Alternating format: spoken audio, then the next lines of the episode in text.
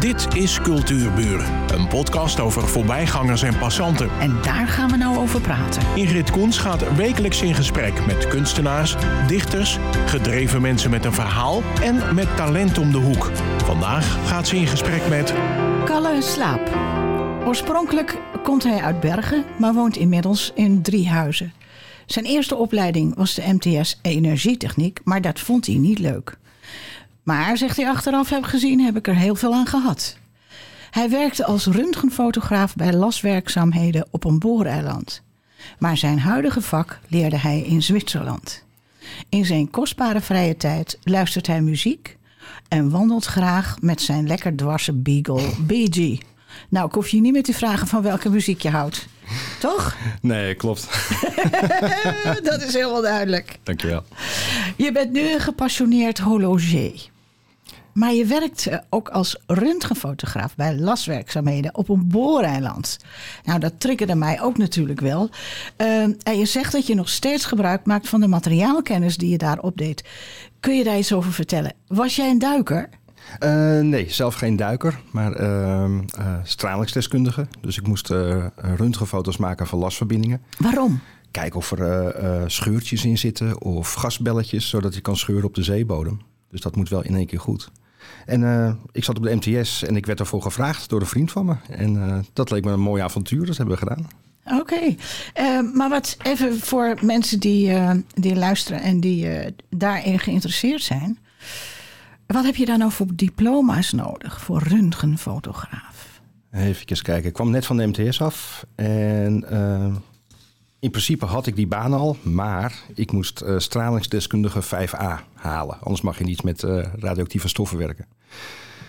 Dus het werd me duidelijk gemaakt van zodra dat diploma er niet is, dan, uh, dan heb je die baan ook niet. Dus ik ben als een idioot gaan leren. En als, enige dat je, ja, als enige dat jaar slaagde ik met een 10 samen met een, samen met een tandarts uit, uit Nieuwegein, geloof ik.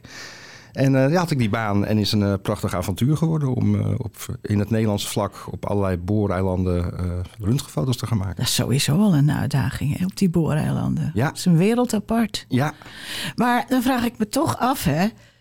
Um, Oh, je bent op de booreilanden geweest. En daar had je. Ik, ik ga eruit van dat, dat het uh, uh, zuilen zijn die ze naar beneden laten zakken. Ja, het is niet alleen op de zeebodem. Het is ook echt uh, de installatie zelf. En ook, ook aan Oh. land nog gewerkt. Ja hoor.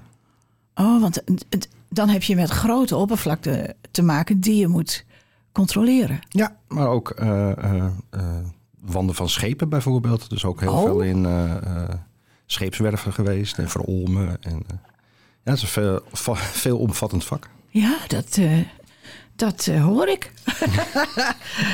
uh, moet je luisteren, we gaan even naar de horloges. Ja. En als we even de geschiedenis induiken. Van wanneer dateert nou eigenlijk het horloge? Ja, het is goed om alvast even een klein onderscheid te maken tussen het klokkenmakervak en het horlogemakervak. Want dat wordt wel vaak verward. Uh, ik ben een zijinstromer, dus ik begon op mijn 36e. En toen was de opleiding al gescheiden. Dus ik ben echt opgeleid als horlogemaker. En ook heel vroeger, echt uh, diep in de geschiedenis, uh, komt het klokkenmakervak meer van de smid. En het horlogemakervak meer van uh, de slotenmakers en daarna de juweliers. Dus het maken van Ach. Kunstwerkjes. Ja, want dan hebben we het wel over de middeleeuwen, hè? Ja, klopt. Daar is het al begonnen. Uh, de geboorte is ongeveer 1500. En dan wordt gezegd Peter Henlein. En dat is een Du Duitser in Nuremberg.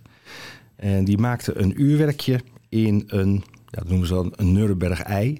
En dat was eigenlijk een, um, hoe noem je dat, potpourri oudertje. dus met allemaal gaatjes erin. En daar, uh, daar is een uurwerkje in gemaakt. Alleen, en ja, daar ben ik misschien een beetje dwars in. Het wordt gezegd dat dat het oudste uurwerkje is. Maar er zaten al een paar trucjes in. Uh, verbeteringen. En daarom denk ik zelf dat dat niet het eerste nou, horloge is. Uh, net zoals een turbo is een verbetering van een automotor. En de allereerste motor die ooit ontdekt werd, ja, had, zal geen turbo gehad hebben. Maar was dat niet dat veertje, dat een, een soort veertje wat erin kwam? Ja, de, de balansveer. Maar Ja. dat is uh, 150 jaar later ongeveer. Door een Nederlandse uitvinding. Ja, wij waren goed, hè? Ja, zeker. Wij hebben ook de bril uitgevonden. En, eh, en, eh, of tenminste, eh, en, en, en microscopen en zo. Daar waren wij al heel vlot mee. Zelfs de Olympische vlam is een Nederlandse uitvinding in, Nee, dat in meen je 1928. Dit geeft me toch zo'n goed gevoel. Eh, even kijken hoor. Ehm, maar eh, het was toen in de middeleeuwen, of tenminste laat middeleeuwen, was het toch heel anders. En hoe kregen ze nou voor elkaar om ze allemaal gelijk te laten lopen? Eh, Eigenlijk heel Niet. simpel. Jawel. ehm, iedereen keek naar de kerktoren. Oh. En grote klokken, die zijn al sinds nou, 1200 redelijk betrouwbaar. Dus iedereen leefde in een heel klein eh, tijdzone. En iedereen keek naar die eh, kerktoren, zette zijn horloge gelijk. En iedereen leefde in dezelfde tijd. Ja. Ach ja, natuurlijk. Ja, leuk. Ehm, kun je. Ik, dus, ik denk niet dat dit een te beantwoorden vraag valt, zo eventjes. Maar kun je een horloge van toen nou vergelijken met nu? Eigenlijk is er in 200 jaar niets veranderd aan een uurwerkje. Het is een, eh, een, eh, een vierton, vier raderen, een échappement en een balans. Echappement. Eh, het gedeelte wat tik-tak zegt. Echappé ken ik wel uit ballet, maar ik neem aan dat dit er anders uitziet. Eh, het ontsnappen van een tandje van een, eh, een rat. Dus het, het, tik-tak. Elke Ja, keer ja, ontsnapt ja, er één tandje. En dat is escapement, échappement. Een beetje een verbastering daarvan. En die basis is onveranderd. Net zoals dat een, een, een verbrandingsmotor. Ja, hij heeft ook zuigers, cilinders, een, een uitlaat en een carburateur en een ontsteking. Al 200 jaar is er in de uurwerktechniek wat dat betreft qua goed. logica niks veranderd. Nou zijn er van die, eh, van die hele dure Rolex bijvoorbeeld en Cartier op de, op de markt. Ja, Zijn Rolex is ook- nog een beetje een midden, middenfase daarboven. Daar begint het echt eh, het mooie en het dure. Ja, maar ik bedoel, ehm, daar is nog steeds niets verschillend met de horloges, een beetje zeg maar in de begintijd. Qua onderdelen en qua opbouw en qua logica is het praktisch identiek. Wat leuk. Ja, en dat, dat proberen we ook onze leerlingen mee te geven. Ehm, ik geef altijd als voorbeeld, als je in de hoek een uitlaat ziet liggen. Dan herken je, het is een holle pijp, dat is een uitlaat. En of die nou van een Volkswagen of van een Volvo is... ja, ik weet, hij loopt onderlangs de auto van voor naar achter... en daar gaat een uitlaatgas doorheen. Dus je gaat niet op je kofferbak proberen van... misschien past dat onderdeeltje hier wel. Nee. Want je ziet de functie van het onderdeel, dus je weet ook waar het hoort. En die kennis ja, die is eigenlijk redelijk makkelijk bij te brengen. Dat doen we in een cursus al in twaalf, twaalf avonden. Dan eh, ziet iemand al de logica van elk uurwerkje eigenlijk. Eh, het wordt nu wel even tijd om je website te noemen. Want daar staat ontzettend veel op. En hele mooie foto's. Noem even. Eh, Want het is een beetje een moeilijk woord. ja, ons bedrijf dat heet eh, Chronoglide. Chrono met CH. Chronoglide.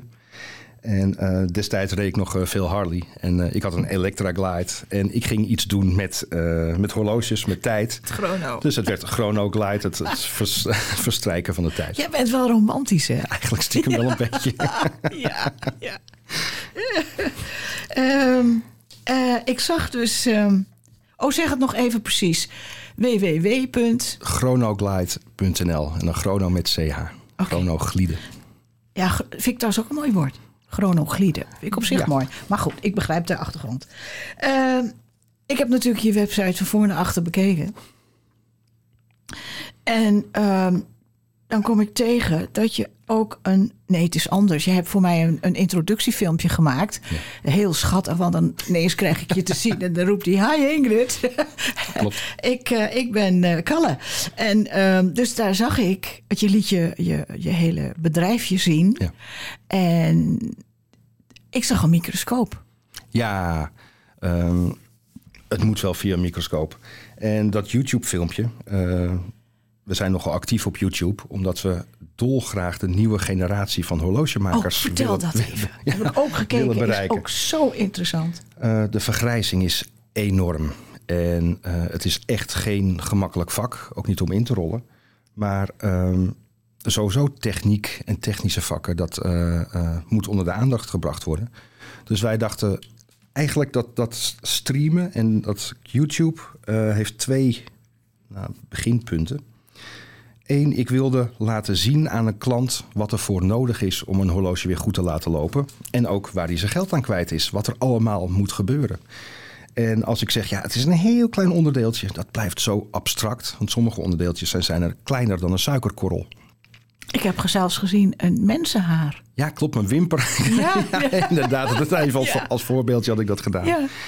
Dus ehm, ik wilde aan klanten ehm, openheid geven van ja, wat is er, hoe mooi het geworden is. Want ja, wij zijn natuurlijk ook heel trots op ons eindresultaat. Dus ik wilde laten zien hoe mooi het geworden is. Maar ook eh, de nieuwe generatie van horlogemakers wilden we graag aanboren. Van ja, als je niet weet dat het bestaat, wil je ook geen horlogemaker worden. Dus dat uurwerktechniek, eh, om dat eh, ja, onder de aandacht te brengen, zijn we ook het YouTube-kanaal Chronoclaat begonnen. En gelukkig eh, is dat meteen wereldwijd eh, dat mensen dat leuk vonden. Dus je moest meteen op zijn Engels. Ja, ik doe het nee, het in- op mijn manier van Engels. Maar eh, ik ben aan het uurwerkje bezig. Ik ben de camera's aan het bedienen. Er loopt een chat mee. eh, en daar zijn mensen dus die stellen vragen. Oh, live. maar, Live, in ja. het filmpje. En dat was zo fantastisch. Dat is twee maanden geleden. En toen zag je echt van uurwerktechniek dat verbroedert. Er was een Russische kijker en een Oekraïense kijker. En die, in de chat zeiden ze... eh, even geen politiek. We zijn hier gewoon twee mensen die van horloges houden. En eh, we willen eventjes weg van de gekkigheid van de realiteit. En die zaten dus samen lekker eh, naar dat YouTube-kanaal te kijken. En te genieten van mooie horloges. Nou, dat was zo fantastisch. En dat was echt een, een heel mooi moment. En ook andere mensen uit Seattle en Colombia en Tunesië. Die eh, eh, reageerden daar direct op. Er is één kijker, Bruce Barlow. Die blijft elke dinsdagavond tot half vijf in de ochtend op. Vanwege het tijdverschil. Om eh, live die, die stream mee te kunnen kijken. Dat is geweldig. Het is echt een community aan het worden. Wat leuk. Ja, 23.000 volgers hebben we nu. En eh, die beginnen elkaar ook eh, te kennen en vragen te stellen en te beantwoorden. Dus het is echt een clubje wat zaterdag, of sorry, wat dinsdagavond om half negen bij elkaar komt. online. Om van horloges en uurwerktechniek te genieten. Ja, dat is echt superleuk. Wat ontzettend leuk. Ja. Weet je wat nou zo leuk is? Eh, deze podcast die wordt eh, volgende week dinsdag na het nieuws van 8 uur uitgezonden. Oh, wat Dus je kan meteen doorgaan dan met je filmpje. Ja, nou ja, het is allemaal gratis. En, eh, Ik ga, is- ik ga ook even kijken. Want zover ben ik niet gekomen natuurlijk om, om die serie te kijken Ja. van eh, Chronolaag Light. Glide. ja. Glide. Eh, en nog even wat anders. Je maakt ook zelf onderdelen. Ja, zelfs de, Maar, maar waarom bestel je die niet op het net? wij. Ik verveel me nogal snel. dus eh, als ik drie keer hetzelfde uurwerkje gedaan heb, ja, dat spelletje ken ik eigenlijk wel. Dus en horloges van de jaren 20, 30, 40. eh, destijds zijn er toen extra onderdeeltjes geproduceerd. Ja, en al 80, 90 jaar eet iedereen van diezelfde berg onderdeeltjes. Die zijn op. En ehm, alle horloges die bij ons komen, hebben allemaal emotionele waarde. Overleden ouders, eerste loon, afstuderen. Eh, die moeten het weer gaan doen. Ja, en als er geen onderdeeltjes meer zijn, ja, dan maken we ze zelf. En we zijn allemaal techneuten. En die uitdaging vinden we ook echt leuk. Want ik ben nu pas 10 jaar, eh, of nee, 13 jaar, ehm, horlogemaker. Het spelletje van het repareren, nou, dat klinkt misschien een beetje eh, raar, maar ja, dat, dat ken ik wel. En dat, dat krijg ik wel aan de praat. En, en echt nog goed ook. Maar als je uurwerk, en dan kan je eh, een onderdeeltje vervangen en dan doet hij het weer. Als het onderdeeltje er is. Maar we zijn nu gaan het zelf gaan maken van onderdeeltjes op oude machines. Eh, dus niks CNC gestuurd. Want ik vind ook dat de leerlingen eh, zelf eh, moeten voelen hoe het is, hoe het vroeger gedaan werd. Hè. Dus echt op de traditionele manier, het restaureren. En dan moet je op een hele andere manier nadenken. Wat voor materialen werden er gebruikt? Wat voor freesjes worden gebruikt? Wat voor draaibank? Hoe, hoe doe... Het is allemaal zo klein. Hoe hou ik het vast? Is vaak nog het Oh, allergrootste, echt nog het allergrootste Ja. probleem. En eh, dan stap je eigenlijk in de voetsporen van je voorgangers. En dat is al 200, 300 jaar. Eh, en dan denk je, ja, dat ze het toen voor elkaar kregen met een olielampje en eh, met een Kaars. draaibankje en kaars. Ja. Dat is fantastisch. Dat is zo knap. Nou, en die kennis willen we eigenlijk ook weer doorgeven, gewoon aan hopelijk de volgende generaties van horlogemakers. Ja, want er worden steeds meer horloges vintage. Ja, klopt. En ook die emo- emotionele waarde is, eh, is belangrijk. Blijft. Ja, Ja. Ehm, ik heb ergens nog een, een, een goud, goud horloge liggen. En dat is ook heel oud. Doet het niet meer. En, maar dan vraag ik me toch af. Is dan de binnenkant, de, de, hoe noem je dat, de onderdelen. Zijn die ook van goud? nee, goud is veel te eh, Zacht. Ja. Eh, maar materiaalgebruik in de uurwerktechniek, ook dat is amper veranderd in 200 jaar. En wat voor materiaal is dat dan? Eigenlijk alleen maar ehm, koolstofstaal, messing, eh, kleine robijntjes zitten erin, eh, een glaasje. eh, dan ben je al echt heel erg ver. Een, een, ehm, die is mooi verteld, ik heb het zelf niet nagerekend, maar een stalen Rolex is 38 dollar aan materiaal. Hmm. En dat is gewoon eh, RVS en messing en eh, staal. En eh, de, het maakproces en het mooi maken en het glimmend maken en het afwerken, ja, daar zit de echte toegevoegde waarde van. En de van een design, hè? En het design, ja, absoluut. dat is natuurlijk Ja. ook inderdaad heel belangrijk. Het, het, het is eigenlijk ook ehm, iets meer. Dit, dit geldt iets meer voor mannen dan voor vrouwen. Het is het laatste mannensieraad. Ehm, het zegt iets over je. Als je een prachtig pak aan hebt en je hebt een plastic kaasje om je pols, denk je van. mm. Maar als je in je gescheurde spijkerbroek op je blote voeten op het strand loopt en je hebt een Vacheron Constantin om je, om je pols, denk je van, oh hé, hey, wacht eventjes, hier is iets meer aan de hand. Ehm, het zegt iets over je sportief, klassiek, eh, ja, stoer. eh, ja, het zegt iets, iets over je. En het, horloges hebben al lang al niets meer te maken met kijken hoe laat het is. Nee, dat klopt. het is Nee, een, een, levend mechanisme om Ja. je pols. Ja, dat is prachtig. Vrouwen die kijken toch meer naar het design en naar eh, of het bij hun jurk past. En, eh, of bij hun stemming. Dat is natuurlijk eh, toch ietsje anders als inderdaad mannen. Maar de laatste tijd, ik denk de laatste twee jaar, krijgen we veel meer dames van 20, 30... die die hele kleine gouden damesuurwerkjes in een laadje vinden nog van oma. En dat weer gaan dragen. Dat gevoel ken ik. En ja, en eh, het is zo elegant en mooi. En ze dragen toch een herinnering van iemand eh, bij zich. Eh, ja, dat is iets prachtigs waar we ons heel graag hard voor maken en ons best voor gaan doen. Als ik je er zo over hoor praten, dan begrijp ik ook die, die, die, die, die zin die in jou, ik geloof op je website staat. Dat betoverende technische universumpje. We, daar, we- net maak je een opmerking van we kijken door een eh, microscoop en toen dwaalden we eigenlijk een beetje af. Ja. Maar wat er gebeurt in die vierkante centimeter, dat, dat, het is eh, als je door een microscoop kijkt alsof je door een, een, eh, alsof je door een stad loopt. Het, het is prachtig. Het is echt heel geweldig. Ik kom nog, ik ga even en even terug. Want ik ben een, tenminste, er komt een vraag bij me op. Ehm, ehm, je gaat van dat röntgenfotograferen, graveren, ga je ineens over op horloge maken. Wat staat is nog- daar gebeurd? Daar zat nog iets tussen. Ja, er moet wat. Er moet iets gebeurd zijn. Ehm, Want het is even anders. Mijn vriendin destijds, die zei van nou, je bent nu wel heel vaak van huis. Het wordt misschien tijd dat je een keertje een baantje aan de wal zoekt. Want ik kreeg net een prachtige eh, aanbieding om onderwater onderzeeërs te gaan besturen eh, bij de Noordkaap in, in Noorwegen. Echte onderzeeërs. Ja, om eh, die pijpleidingen te controleren. Dat zijn kleine ROV's noemen ze dat. En dat was serieus goed betaald. En toen zei mijn vriendin van nou, het is ook wel fijn dat je een keertje thuis bent. en toen had ik een... eh, en daar had ze eigenlijk wel gelijk in. En iemand van de motorclub, die werkte destijds bij Telfort. En die zei, je zoekt een baantje aan de, wal. Ik zei, "Eh, ja. Ik zeg, nou, hij zegt maandag 12 uur in het pak in Amsterdam. Dat was in 2000. En toen kwam net die GS, hele GSM-golf eh, om de hoek kijken.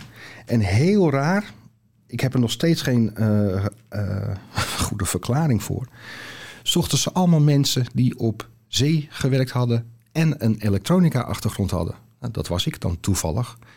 Want eh, personeelszaken die zei... iemand die op zee werkt, die ja is ja, nee is nee. Je bent zelfredzaam, je laat je collega's niet vallen. En je bent global. Ja, en eh, nou, Engels is nog een beetje de voertaal. Dus ik had opeens 19 collega's van de onderzeedienst eh, samen Zo. bij Telfort. En we hebben nog steeds contact. Dat was zo'n hechte groep. En toen ben ik een beetje in, eh, in de IT gerold.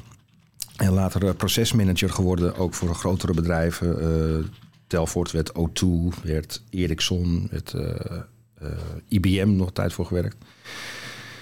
Ja, en toen leerde ik een beetje de digitale wereld en eh, organiseren en eh, afdelingen aansturen. Ja, en daar heb ik ook nog steeds wat aan eh, als horlogemaker. Dus alles wat je ook maar. Ja, maar ho even. Die gsm en al die digitale, die digitale wereld is geen horloge. Nee, maar was wel heel eh, handig met het opzetten van een YouTube-kanaal en het organiseren van mensen en lesgeven. Want Ja, ja, dat, dat deed ik natuurlijk maar nog ook. steeds, ik wil nog steeds even van dat, van dat digitale juist. Want jij bent nu eh, helemaal niet digitaal. Ja, wel met je, je apparatuur en Toen zo. stiekem ook al niet hoor. Maar, maar die, die, die hele kleine horloges, dat, is helemaal niet digitaal. Klopt. Het kwam allemaal een beetje samen. Eh, mijn dochter werd geboren, Anna. Ehm 2007. En ik zat elke dag in de file. En ik ging om zeven uur s ochtends weg. En ik kwam om acht uur five. s'avonds Ja, terug. ja, ja. En ik was altijd al geïnteresseerd in eh, eh, ja, techniek. De technische opleiding, altijd al gehad. En mijn horloge was stuk. En ik ging... ik moest 45 euro betalen. Wat heb je nou eigenlijk gedaan? Wat was, wat was er stuk? En toen liet al een, eh, een horlogemaker zien, kijk even mee. En eh, toen zag ik dat het, er zit er gewoon een kloppend hart in. En het leeft en het beweegt en het doet. En het is magisch als je dat eh, wat beter bekijkt. En toen dacht ik, dat wil ik ook. Dus toen ging ik naar de Vaxel Schoonhoven. Eigenlijk ehm, hobbymatig. Maar wel met een beetje in het achterhoofd. Ja, dit kan ik ook thuis doen. En eh, Anna als babytje lag lekker te slapen. En ik was eh, met hele rustige muziek eh, heerlijk horloges aan het proberen te repareren destijds. Als hobby. Toen als hobby, maar ik ging naar de Vaxel Schoonhoven. Superleuke leraar Hoe gehad. heet dat precies? Want er zijn misschien mensen die, die, die gaan kijken. Ja, en- zeker. Dus hoe heette die school precies? Het is Vaxel Schoonhoven, dat is onderdeel van Zakkine. Eh, en daar kreeg ik les van Gert-Jan Westerbeke. Super gave gast. En die zei meteen al na het eerste jaar, ja, jij moet door. Want dat waren de cursussen. Dus eigenlijk tot goed hobbymatig word je daar opgeleid. Nou ja, bij mij eh, de bacterie had gebeten. had gebeten. En eh, toen heb ik de vierjarige deeltijdopleiding gedaan. Alleen heb ik hem in drie jaar gedaan. En toen vroegen ze van, vind je het leuk om les te geven? En eh, toen heb ik nog twee jaar voor de klas daar gestaan. En toen werden we het eigenlijk niet zo eens hoe we een leerling, wat we een leerling mee moeten geven om op eigen benen te kunnen staan. Dus ja, toen ben ik de cursussen gewoon vanuit groot schermer gaan doen met heel veel plezier. En toen ben ik naar Zwitserland gegaan voor verschillende opleidingen. Dat is wel het land van de horloges, hè? Ja, maar daar zit ook nog wel een leuk verhaal achter. Ehm, ik, ging, ik werd toegelaten tot Worstep. En dat is een van de hoogste Zwitserse opleidingen. Dus eigenlijk ook wel een beetje wereldwijd. En omdat ik lesgegeven had, mocht ik daar doen. En eh, ik kwam daar. En eh, ik zat daar in de kroeg. En eventjes gewoon te kletsen na 15 uur rijden naar, eh, naar Neuchâtel toe. En nou, een beetje aan de praat. En ze vroeg van, wat doe je? En ja, ik ben uh, Kalle Slaap en horlogemaker in Groot Schermen. En ehm ze zei, oh, oh, oh, horlogemaker. En uh, ik zeg, uh, rare reactie. Dit is het mekka van horlogemaken. Uh, ja. hoe, hoe, hoe, ben je zo verbaasd? Ik zeg toch, iedereen is hier horlogemaker, toch? Ze zeggen, niemand is hier horlogemaker. Want je wordt opgeleid voor één klein dingetje. Je bent alleen maar de balans aan het afstellen... of alleen maar een brug erop aan het zetten... of alleen maar wijzertjes plaatsen. Want ja, dan heb je een lager uh, loon... en je loopt niet zo snel weg naar de concurrentie. Dus niemand daar is end-to-end uh, -end verantwoordelijk voor het uurwerkje of het horloge. Nou, daar zat je. En ik denk, er ging een wereld voor me open. Compleet andere benadering van, uh, van het hele vak. Laat staan dat ze nog onderdeeltjes maken of uh, klanten ontvangen. Of heel anders. Ja, en toen dacht ik echt van, als iedereen maar voor een heel klein dingetje opgeleid wordt. En dat ene kleine dingetje echt heel erg goed kunnen hoor. Dat, het is niet meteen dat het, eh, dat het minder is. Maar ik dacht, dan raakt onze kennis van end-to-end Ja. zo verwaterd. En binnen één, twee generaties is het gewoon weg. Eh, ik denk dat in Noord-Holland eh, nou, binnen een jaar of vijf... eh aantal horlogemakers bijna halveert nog een keer. Ja, ik kan me dat heel goed voorstellen. Ja. Kalle, wat was ik blij dat je er was. En mag ik je nog eventjes feliciteren met 150 uitzendingen. Ja, dat is echt wel wat. Ik heb het met plezier gedaan en deze vond ik ook weer enig. En je hebt me weer zoveel wijzer gemaakt. Eh, als we kijken bij Kalle Slaap, vinden we je dan ook? Eh, ik denk als je erop googelt zeker. En Ja, anders hè? is de Chrono ook live ja, op dan YouTube. kom je via YouTube. Ja. Het is zeker de moeite waard om meer over deze man eh, te weten te komen. Eh, fijn dat je er was. Eh, misschien komen we elkaar nog wel eens tegen. Vast nog wel. Dankjewel. Oké.